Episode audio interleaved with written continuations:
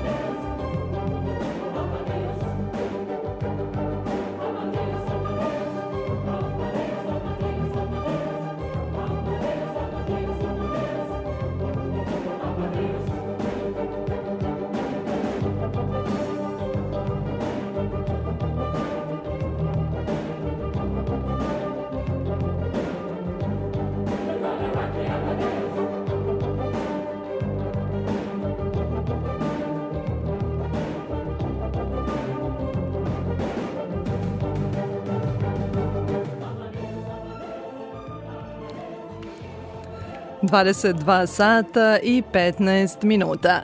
Dragi slušalci, dobroveče i dobrodošli u Spektar. Moje ime je Ivana Maletin Ćorilić i vodit ću vas kroz nedeljni magazin za kulturu Radio Novog Sada. Teme koje već duže vreme okupiraju javni prostor, ali i kod mnogih stvaraju osjećaj nemira i strepnje, terajući nas na razmišljanje o budućnosti, prelile su se i u umetnički prostor. U večerašnjoj emisiji govorit ćemo o veštačkoj inteligenciji koja je sve prisutnija u našoj svakodnevnici, kao i stvaranju i strahu od upotrebe nuklearnog oružja, o čemu u poslednje vreme sve češće progovaraju filmski stvaraoci.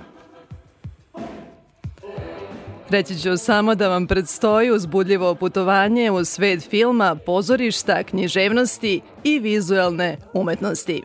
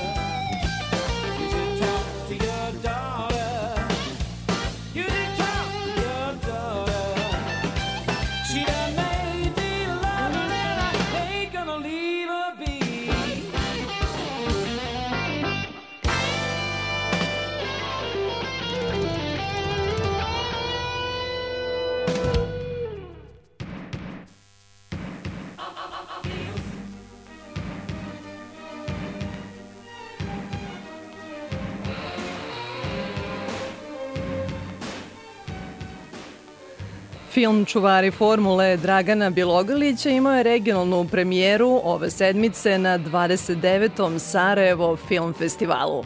Nakon premijernog prikazivanja na filmskom festivalu u Lokarnu, gde je osvojio dve nagrade, nagradu Variety za najbolji film u selekciji Pjaca Grande, kao i priznanje Zeleni Leopard, koje se rodeljuje filmovima sa najupečatljivijom porukom, Čuvari formule prikazani su u Sarajevu van konkurencije. O aktuelnosti filma najbolje govori podatak da su od početka rada na scenariju, nastalom prema motivima knjige profesora doktora Gorana Milošinovića, slučaj Vinča, izašli film Oppenheimer i serija Černobilj sa sličnom tematikom, naglašava Bjelogrlić. to samo govori koliko je taj problem prisutan i koliko god da mi pričamo o jednom događaju koji se desio pre više od 60 godina u bivšoj Jugoslaviji, koliko je ta tema aktualna i koliko nam je blizu. Drago mi je da smo uspeli, ja sam to nekako video i na toj projekciji u Lokarnu, e, po reakciji publike koja je reagovala tačno na pravim mestima, tačno gde smo mi očekivali reakcije i po e, reakciji i aplauzu na kraju filma, e, mislim da smo uspeli da posle dugogodišnjeg rada nađemo neki univerzalni jezik da komuniciramo i da tu našu priču ispričamo da ona bude razumljiva na svim mogućim jezicima i širom sveta. Tako da sa te strane osjećam jedan spokoj i zadovoljstvo da na samom startu krećemo onako sa jednim dobrim vetrom u leđa Raša Bukvić tumači lik profesora Dragoslava Popovića koji je u to vreme bio pokretač i jedan od osnivača Nuklearnog instituta Vinča. Te 1958. godine, kada se desio akcident na nuklearnom reaktoru Vinča, bio je jedan od glavnih učesnika.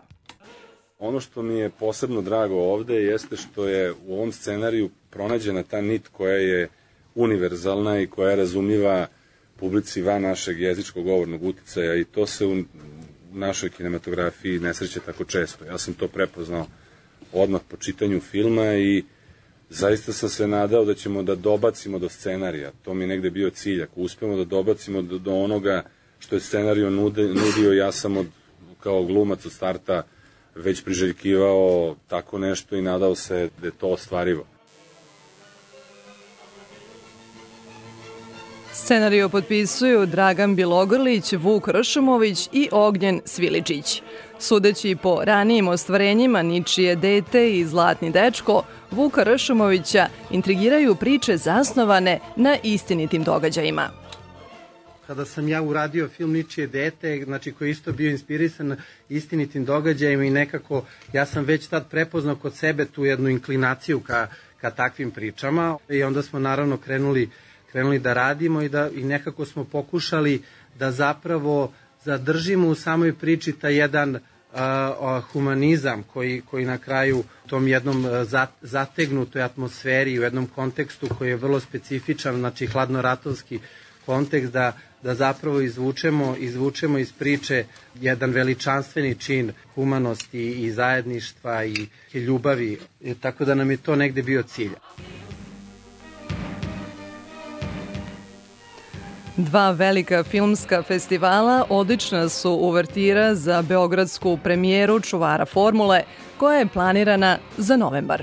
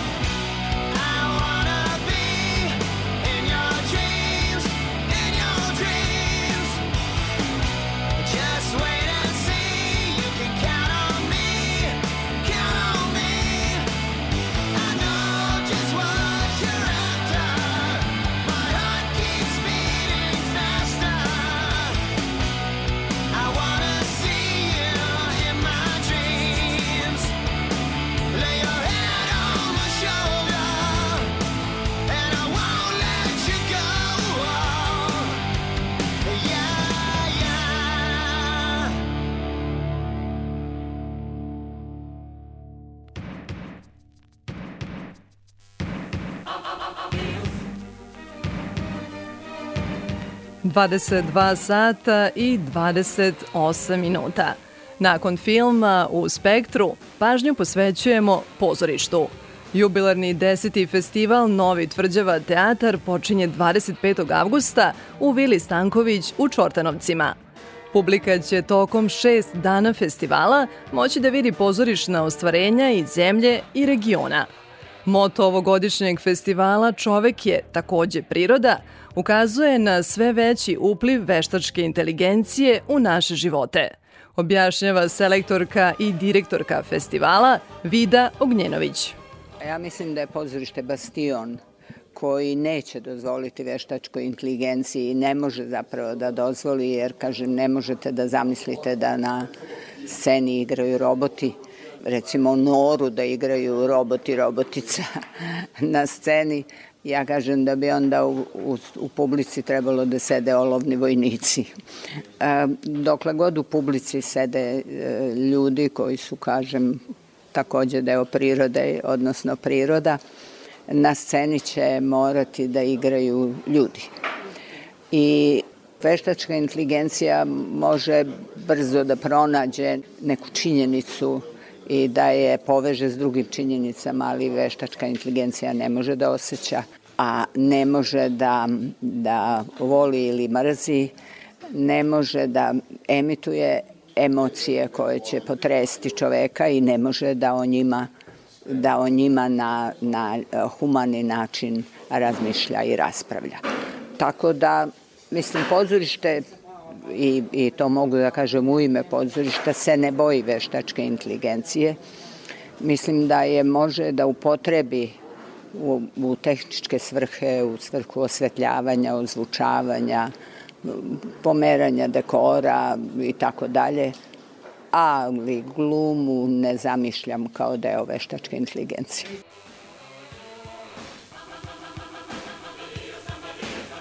Na ovogodišnjem repertoaru je šest predstava.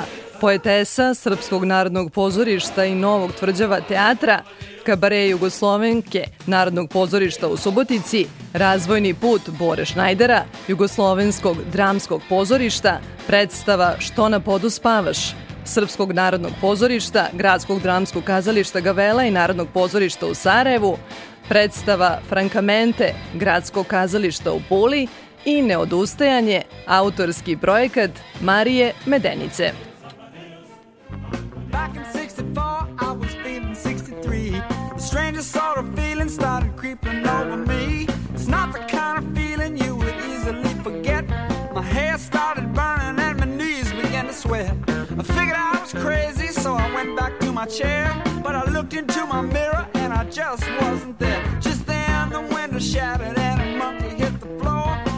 like it was time for me to make it to the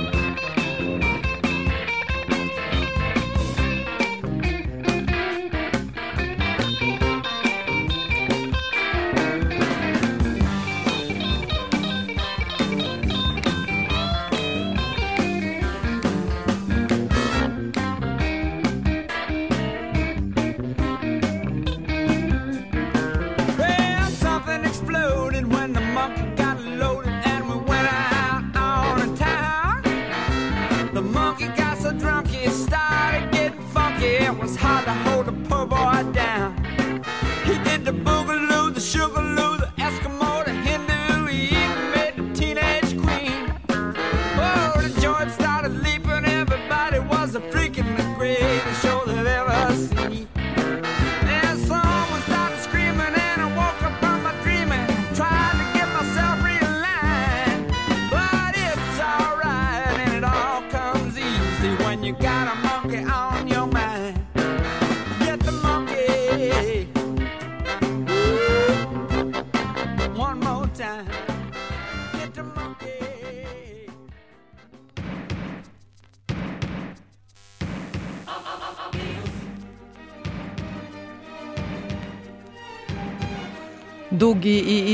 Štrajk scenarista u Hollywoodu, pojava knjige sa generičkim tekstom žive autorke na Amazonu, odluka nemačkog umetnika Borisa Eldaksena da odbije prestižnu svetsku nagradu za fotografiju, priznajući da je ona proizvod veštačke inteligencije, sve to potvrđuje da se u raznim oblastima umetnosti algoritamski generiše novi svet.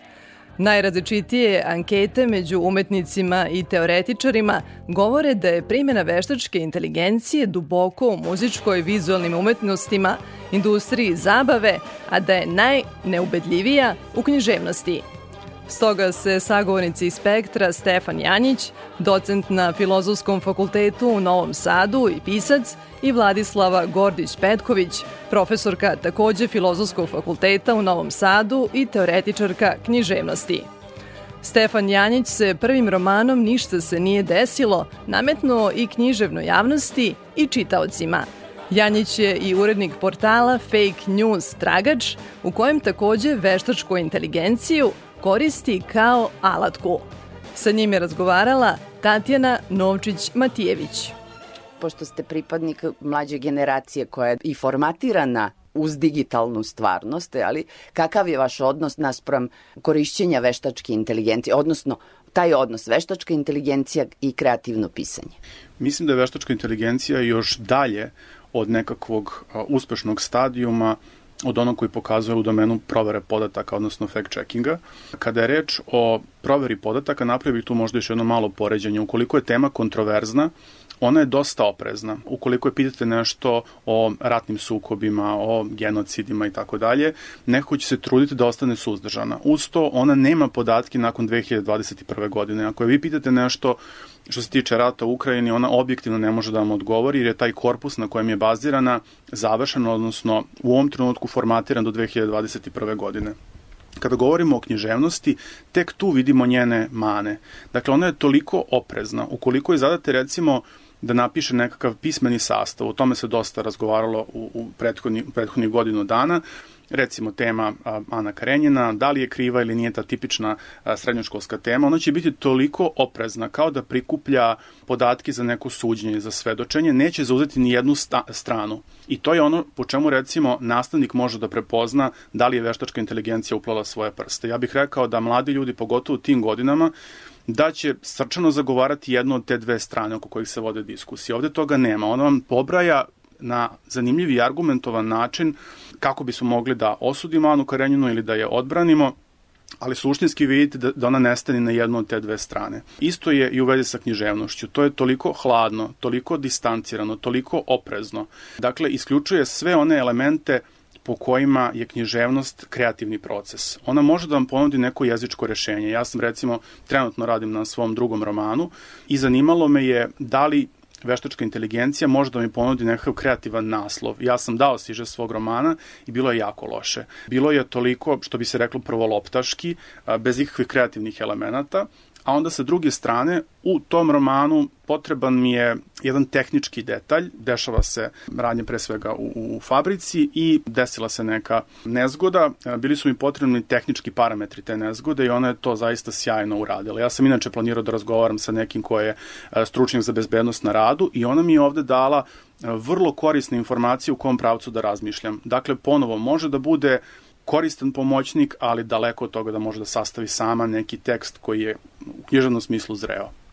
Dakle, taj nivo koji podrazumeva sve ono što je individualni pristup nekoj temi, individualni stil, odnos prema emocijama, e, svemu onome što nije faktičko stanje stvari, to, to ipak ne može da, da zadovolji. Ne može da odgovori na te zahteve apsolutno može da sastavi nekakav pismeni rad na nivou deteta koji ide u peti ili šesti razred osnovne škole ali bilo kakav tekst iz koga ćete vi iščitati iskustvo, iz koga ćete iščitati neku jaku emociju, toga nema. E, nema zbog toga što su kreatori ovog algoritma, odnosno veštačke inteligencije, jako vodili računa o prethodnim iskustvima. Microsoft je recimo imao svog bota na Twitteru koji je učio na osnovu, pre svega na osnovu povratnih reakcija. I taj bot je u roku od 24 sata postao fašista. Istrenirali su ga korisnici tako da se okrene protiv jevreja, dakle postao je antisemita, zagovarao je ponovno uspostavljanje fašizma i Microsoft ga je ugasio. Poučeni tim iskustvom, kreatori ChatGPT-a su baš insistirali na tome da on u takvim osetljivim pitanjima ostane nekako nepristrasan. Međutim, ukoliko ga vi u tom smislu limitirate, što svakako jeste korisno u, u milion drugih aspekata, ali ne u književnosti, onda je on beskrvan, onda je on jako bled, on više piše kao Google koji ima pristup svim podacima ovog sveta, ali vi vidite da, ne, da ništa od tih podataka nije uvezano u realno iskustvo. Ne biste mogli da poverujete tom algoritmu. Deluje kao nekakav poluenciklopedijski diskurs u kojem su sve reference koje se odnose na, na emocije, svi elementi koje se tiču emocija toliko pasivni, opisani bez inovativnih stilskih figura da se to jednostavno prepoznaje. Našla sam podatak, verovatno ste i vi naleteli, onaj slučaj na Amazonu se pojavila knjiga žive autorke u kojoj je bio generički tekst i to je prepoznao čitalac njen, sugerisao joj da postoji takva knjiga, ona se obratila Amazonu, Amazon se oglušio o njen zahtev da se povuče ta knjiga i njoj je naravno jedino preostalo da podigne medije i da mediji naprave zapravo kampanju i onda je knjiga povučena. Imaćemo situacija kada će se pojavljivati takve knjige i onda će biti problem i sa autorskim pravima. Izdavači mogu da prave takve knjige. Vidimo da scenaristi uporno protestuju u Hollywoodu, producentske kuće mogu da naručuju te scenarije. Dolazimo sad i u taj domen u suštini etike, poštovanja autorskih prava i kreativnosti individue, naspram logike novca i profita. Tako je, da. To bih možda uporedio sa situacijom sa električnim trotinetima koji kada su se pojavili, mislim da su svi bili zapanjeni, nisu znali kako da reaguju na to. Naš, a, naši zakoni koji se tiču bezbednosti saobraćaja to nisu prepoznavali i ja mislim da će biti potrebno dosta vremena da i nekakve zemlje koje brže u zakonskom smislu reaguju od nas na određene promene u domenu veštačke inteligencije, da regulativno pokriju sve ove oblasti. Nije ovo pitanje samo književnosti, recimo imate i veštačku inteligenciju koja stvara ilustracije i slike. Ja bih mogao, na primjer, da kažem servisu koji se zove Mid Journey da mi napravi ilustraciju Nikole Tesle u stilu Dobrosava Boba Živkovića. Dakle, da pokupi njegove ilustracije sa interneta i na osnovu toga, na osnovu pečatljivih odlika njegovog crtanja, da mi izbaci ilustraciju Nikole Tesle. Da li su time narušena prava Dobrosava Boba Živkovića ili nisu? Da li on ima autorsko pravo na svoj stil? Jer, na primjer, nikome nije zabranjeno nekome ko e, studira na Akademiji umetnosti da kopira, da podražava Dobrosava Boba Živkovića, ali ako Veštačka inteligencija to radi e, sveobuhvatno ukoliko e, skuplja njegove crteže i na kraju krajeva zarađuje od toga, jer, jer su sad to već servisi koji se plaćaju, onda tu takođe imamo pitanje autorskih prava. Biće interesantno, o, o čemu mi sada pričamo, verovatno će se godinu dana biti zastarelo. Mi smo zapanjeni time dokle veštačka inteligencija stigla za ovako kratko vreme. Ona napreduje u svakom mogućem smislu, pa ćemo imati filmove sa glumcima koji su odavno preminuli, a da nećemo golim okom moći da vidimo da to nisu živi ljudi, nego da je da ih je stvorila veštačka inteligencija. Reprodukcije Van Gogovih slika, pa možda možemo da očekujemo u nekoj skorijoj budućnosti da od postojećih dela Ive Andrića ili Danila Kiša dobijemo neke njihove nove pripovetke ili romane i to zvuči intrigantno, ali a, mislim da smo u tom domenu za razliku od ovih slika, zvuka, lika i tako dalje, još prilično daleko. A, to stvara, moram da priznam u meni jednu vrstu a, straha. Bojim se da ukoliko mašine, osim ovih dosadnih manuelnih poslova, počnu da obavljaju i nešto što je do sada bilo rezervisano samo za, za ljudsku vrstu. Plašim se kako će na nas uticati taj nedostatak kreativnosti. Ja prepostavljam da će se i nastavnici u osnovnim i srednjim školama, pa evo ja imam taj problem na fakultetu kao, kao predavač, da će se dosta namučiti narednih godina oko toga da ocene šta je zaista učenik dostavio kao svoj rad, a šta je kreirala veštačka inteligencija. Nadam se da će se pojaviti neki softveri kao odgovor na to, da softveru postavimo pitanje da li je ovo originalni rad ili nije, ali za sada nema nekih gotovih rešenja. Plašim se eto samo toga da ukoliko bude ograničeno to polje mašte, ukoliko tu budemo bili sputani šta će ostati od naše ljudskosti. Ajde da budemo optimistični, da ljudi koji su stvorili algoritme prosto moraju da računaju na to da će pristizati nove generacije koje će imati potrebu i morati u ostalom i u tu bazu podataka da upisuju svoje iskustva, svoje viđenje i osjećanje sveta. Dakle, po prirodi stvari i ta baza podataka mora da se inovira i širi. Da, ja bih želeo da ostanem svakako optimističan u, ovom pogledu. Mislim da je to veoma važno. Sa druge strane, takođe mislim da je bitno u čim je rukama ova veštačka inteligencija.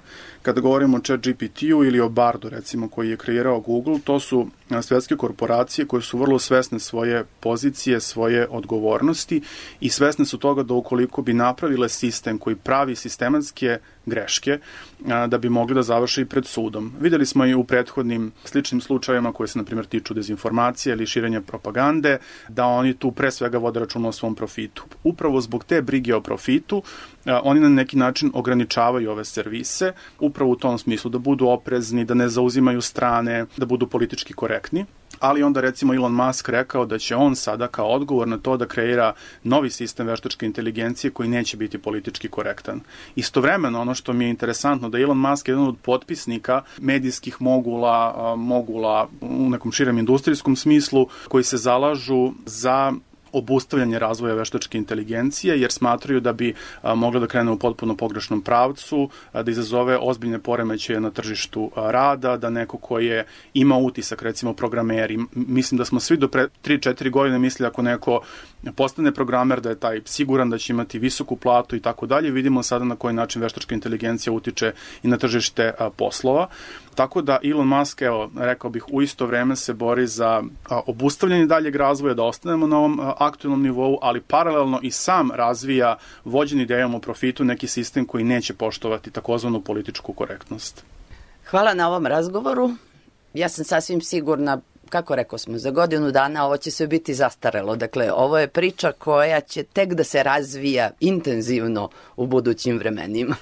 Da, ali eto onda prilike da se, da se ponovo nađemo. Možda bih samo rekao da evo, ako pogledamo Google Translate kao možda najraniji sistem veštačke inteligencije s kojim smo se susreli, rekao bih da su svi nekako podsmešljivo gledali na njega pre 10 godina, da su to bile rečenice koje nisu ličile ni na šta. Danas on može da prevodi gotovo bez greške neke tekstove koji nisu književne prirode i vidimo da je taj napredak eksponencijalan, da je toliko brz da evo zaista za godinu dana ako se ponovo nađemo, možda ćemo razgovarati o nekim drugim stvarima, imati neke nove brige koje danas nismo ni imali na umu.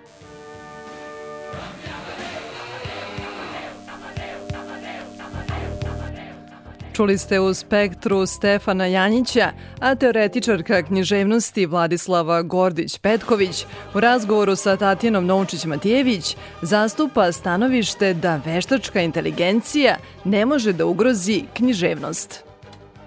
Vidimo da scenaristi u Hollywoodu intenzivno i uporno štrajkuju. Da li to znači da je kreativno pisanje sad dovedeno u pitanje? Veštačka inteligencija sada prolazi istu sudbinu koju zapravo prolazi svaka nova tehnologija. Svaka nova tehnologija se suočava uvek sa dva suprotstavljena stava. Deo javnosti je opterećen strahom, nespokojem, crnim predviđanjima, a drugi deo je nekritički euforičan.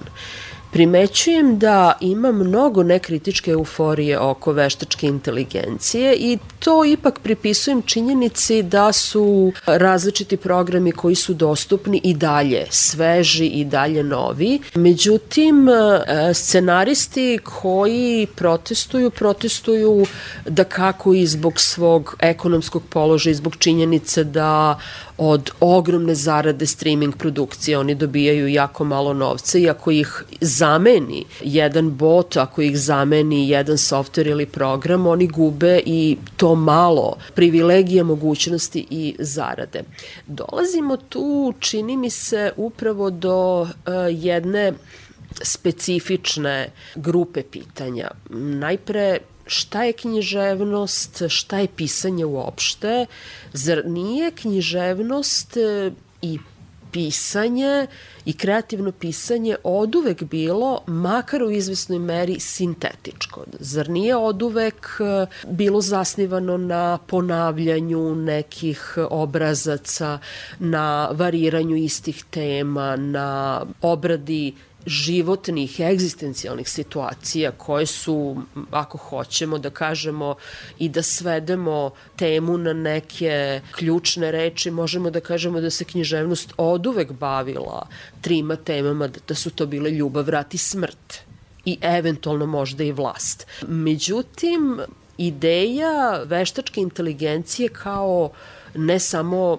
dobrog sluge, nego i nekog novog gospodara koji preti da postane diktator i apsolutista, potiče i od naše želje da dramatizujemo svoj odnos prema tehnologiji. Mi smo jednostavno navikavši se na sve one pogodnosti koje smo dobili, suočili se sa hiperprodukcijom u svim oblastima umetnosti, zato što je prosto proizvodnja teksta, proizvodnja umetničkog dela sa tehnološkim napretkom postala mnogo jednostavnija, pa ako hoćemo da upotrebim i tu nepopularnu reč, jeftinija. Međutim, sada dolazim u taj ćorsokak jer shvatamo da ne samo da će se ta hiperprodukcija nastaviti, nego će nas ona i zameniti, odnosno zamenit će nas botovi, četovi, programi, softveri. Da li će do toga zaista doći? Mislim da treba ipak malo sačekati zbog čega? Zato što kao prvo svi ti programi operišu sa već digitalizovanim sadržajima. Mi treba da budemo svesni da ogroman deo kulturne baštine i ogroman deo ljudskog znanja i već stvorenih potencijala jednostavno nisu digitalizovani. Nije bilo prilike za to, nije bilo ni vremena, ni volje, ni novca da se ukupno ljudsko postignuće digitalizuje i ti programi će u jednom trenutku zaista početi da se vrte u krugu poznatih tema i učitanih sadržaja i jednostavno će moći da reprodukuju samo na osnovu onoga što je učitano. Za slučaj da se ne krene u ozbiljnije razvijanje algoritama, i koliko sam našla podatak da se intenzivno radi na razvijanju tih neuronskih mreža, dakle simboli, dakle što bi pripadalo svetu umetničkog izražavanja. Sve to može da se stvara, ali program u jednom trenutku uvek biva zagušen masom sintetizovanog sadržaja i ulazi u ćorsokak ne mogavši dalje taj sadržaj da reprodukuje. Biće dakle uvek potreban ljudski input, biće potreban ljudski um kao e, nešto što kreativno razmišlja, diskriminiše, pravi razliku, pravi prioritete. Mislim da zaista bez ljudskog uma neće biti moguće. Meni se čini da ova sadašnja produkcija programa iz oblasti veštačke inteligencije izuzetno i meri nalikuje antiplagijat programima koji su se pojavili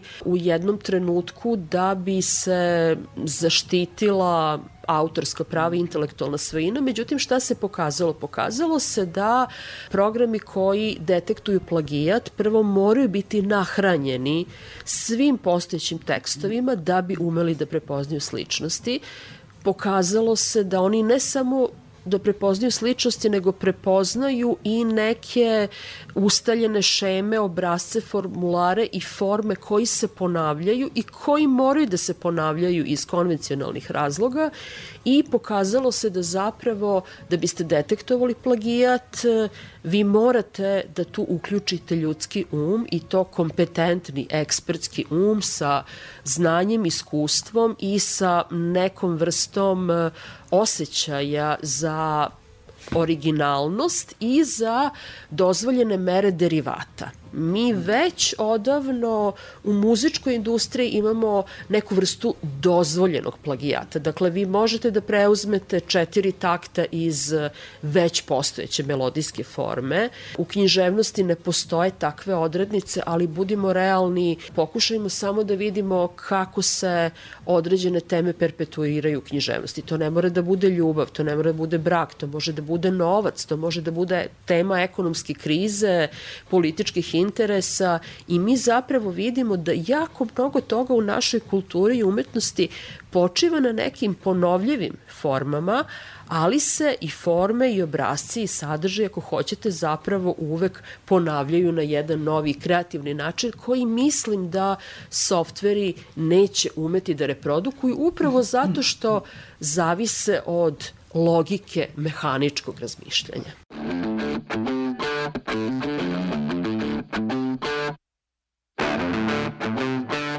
you.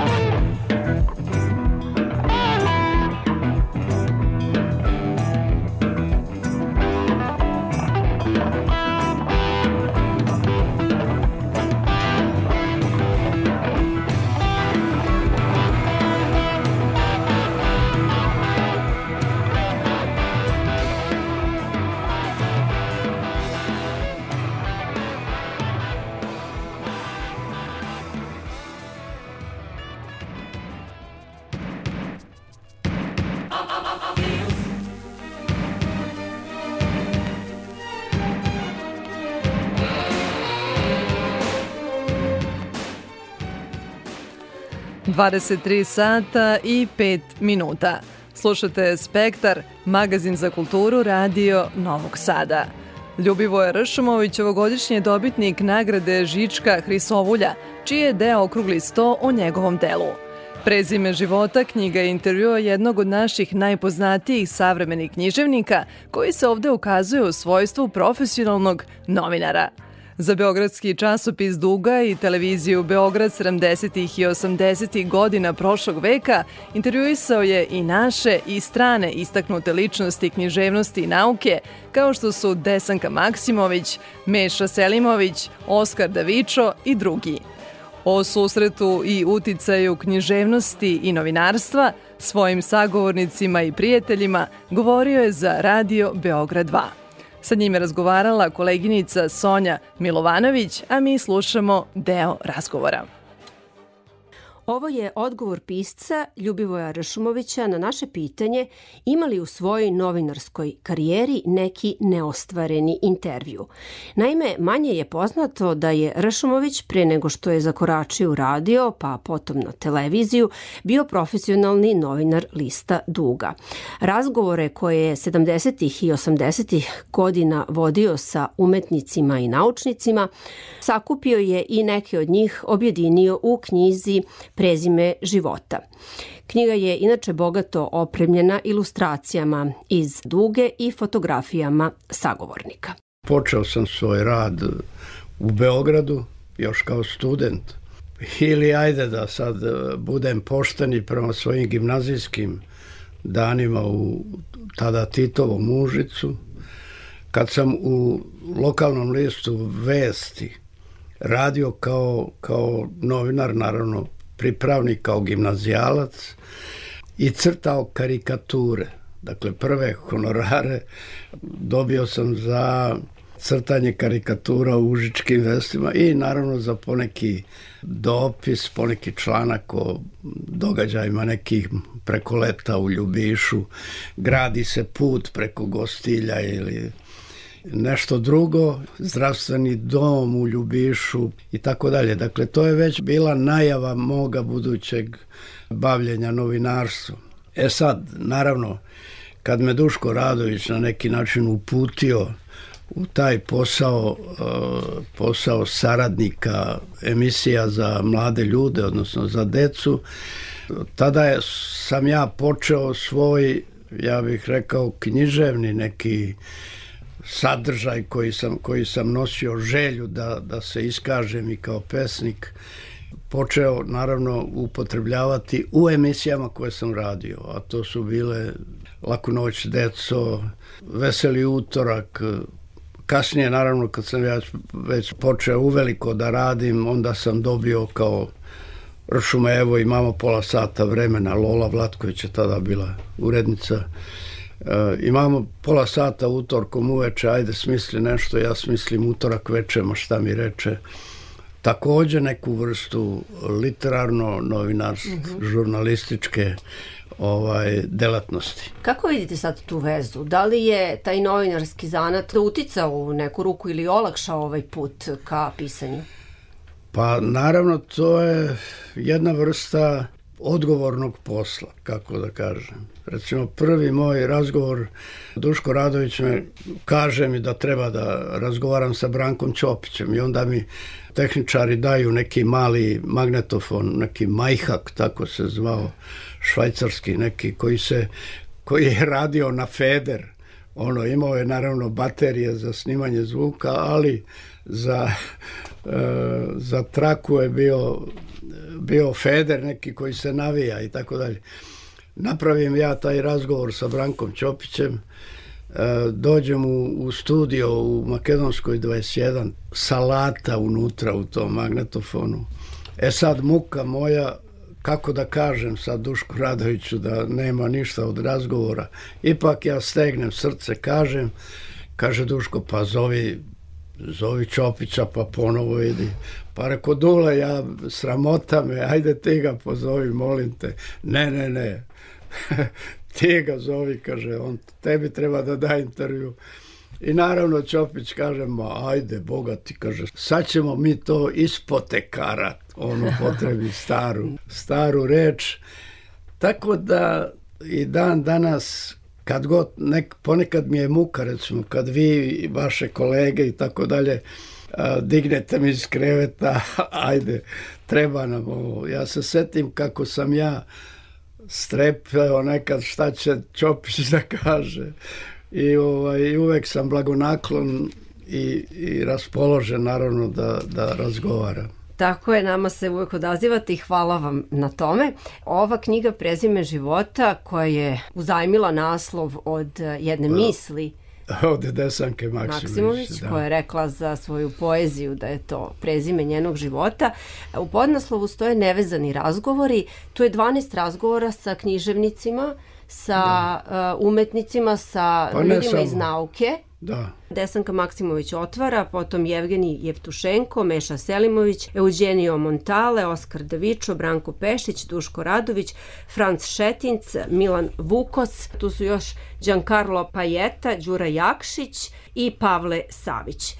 Vi kažete da su nevezani razgovori zbog toga što niste imali neke određene teme koje biste sada ovde u knjigu uvezali. A meni se ipak čini da postoje neke spojnice. Ako bismo rekli da se jedan deo ovih razgovora tiče rada ljudi sa kojima ste pričali, drugi deo se tiče njihovog tako reći privatnog života, ali u neku ruku porekla pre svega.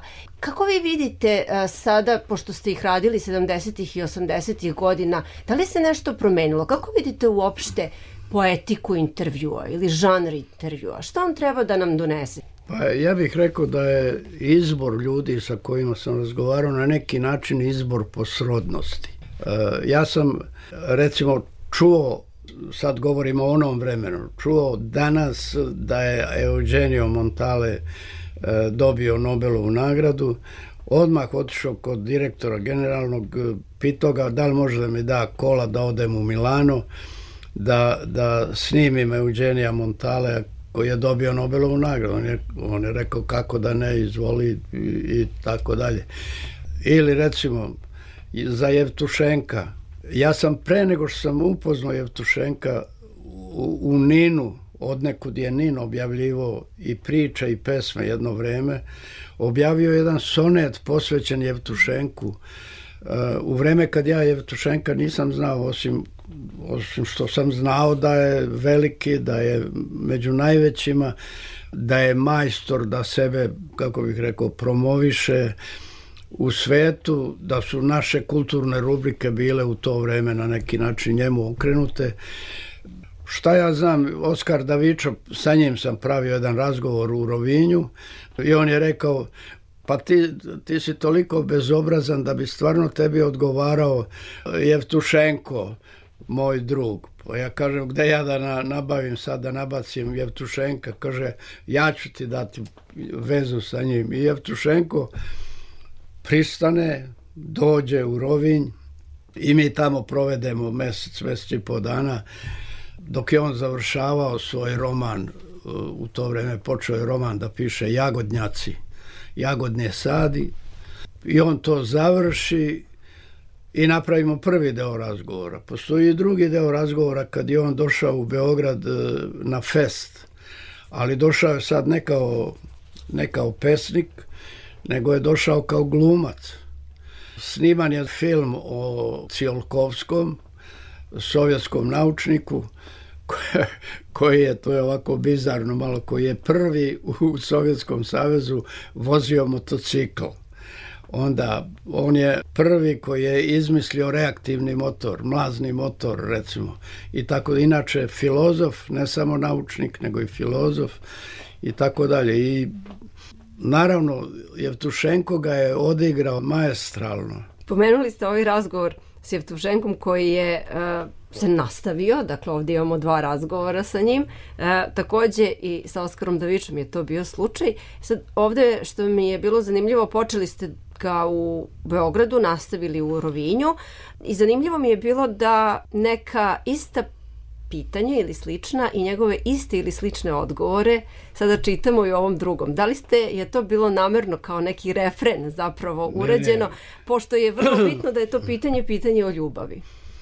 Pa Oskar je bio ovako, kako da kažem, njegova hana njegova, njegova poema je u stvari ljubavna i stoji na nekoj lestvici među prvim ljubavnim poemama koje mogu da se da se nađu u, u, u, srpskom jeziku. A ponegde verujem da sam možda ponovio pitanje iz prvoga, što, što nije, kako da kažem, nije insistiranje na nekom pitanju, ne znači da je to sad greška, nego Da, možda...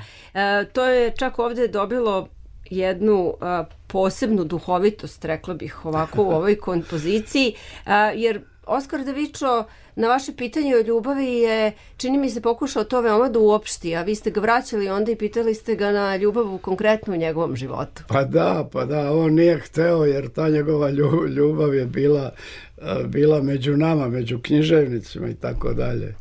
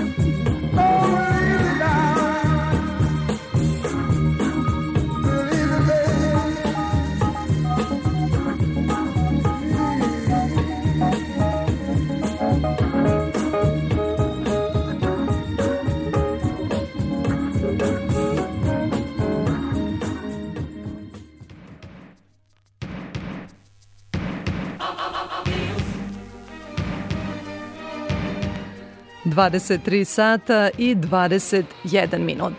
Stižemo do poslednje priče u večerašnjem spektru.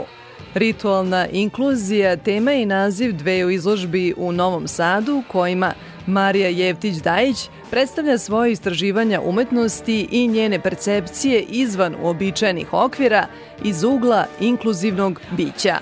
A inkluzivnost je, kao i umetnost, univerzalna potreba, kaže umetnica u vremenu u kom živimo. Zabeležila Aleksandra Rajić. Dvema izložbama u Galeriji Udruženja likovnih umetnika Vojvodine i Malom likovnom salonu Marija Jeftić-Dajić otvorila je dva prostora za sve nas posebne. Istražujući primarno doživljaj umetnosti kod autističnih osoba, postavila je i pitanja naše svakodnevne ritualne inkluzije u posthumanom dobu. Prostor posebnih e, za mene predstavlja popunjavanje lične egzistencijalne praznine, odnosno popunjavanje e, praznine netipičnim sadržajima. Zavirivanje duboko u neistražene delove ličnosti, većina ljudi se plaši toga, da će naići na, na jednu praznu tablu ili da neće pronaći ništa.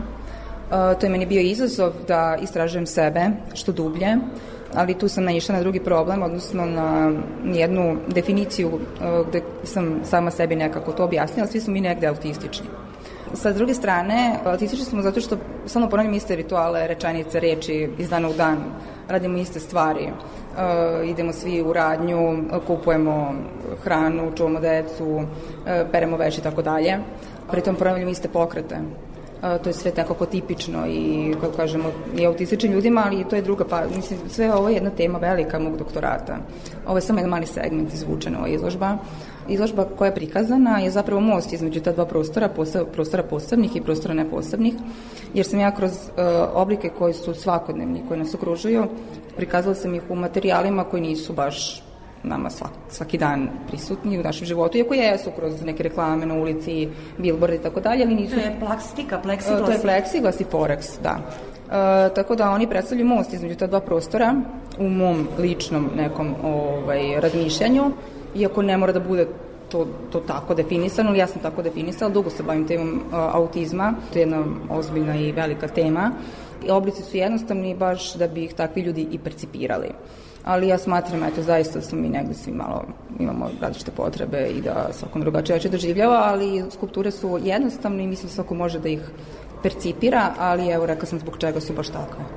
E, Skulpture su u intenzivnim bojama. Da li ste pre toga radili neka istraživanja, rekli ste da ste već dugo u toj temi, da li ste radili neka istraživanja o tome kako ko doživljava e, boje? Da, ja sam radila sam, moja prethodna uh, cela tema je bila vezana za prikazivanje dvodimenzionalne, trodimenzionalne umetnosti slepim i slabovidim i sve to bilo belo, nisam imala kolorit, mislim da se ja lično zaželjala boje i mislim da sam onako, da ja vrištim i želim jako da nešto prikažem u bojama. Pre toga, iako sam slikarka po vokaciji, nisam dugo radila u bojama i mislim da je to moja velika želja bila da prikažem ovu seriju baš u jarkim bojama jer je veliki kontrast, a takođe smo svi mi nekako iz tih kontrasta statkani. Zapravo vaše životno opredeljenje je, ja bih rekla, ovako ukratko, umetnost za sve. I meni i mislim da umetnost znači popunjavanje te naše egzistencijalne praznine. Mislim da kao um, ljudi i uopšte kao vrsta ćemo izumreti ako ne budemo percipirali umetnost.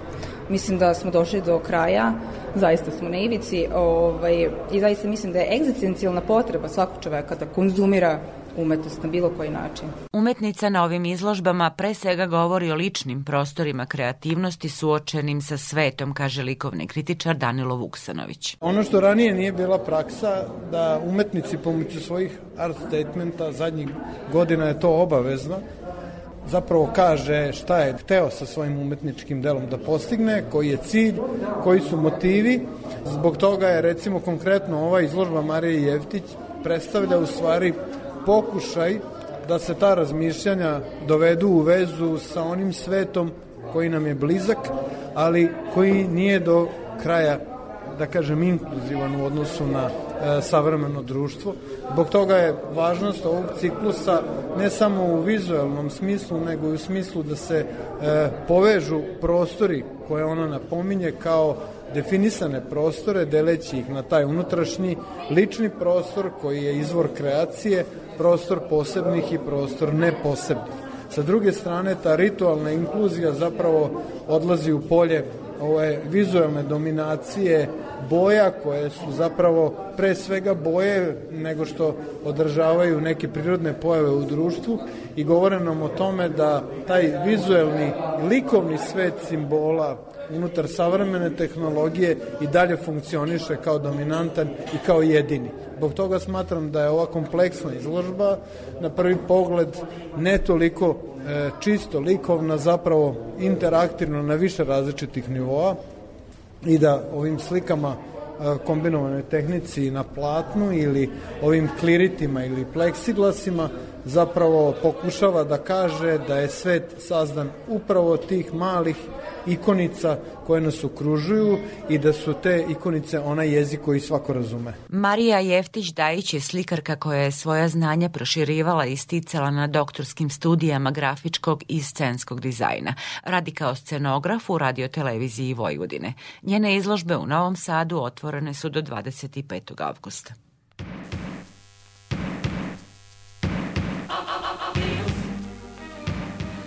Dragi slušaoci, pratili ste Spektar. Nadam se da smo vas ovim putovanjem podstakli na razmišljanje i na kreativnost. Sa novim aktuelnim pričama i sagovornicima čekamo vas narednog petka. Moje ime je Ivana Maletin Ćorilić i u ime ekipe koja je realizovala emisiju želim vam prijetan vikend.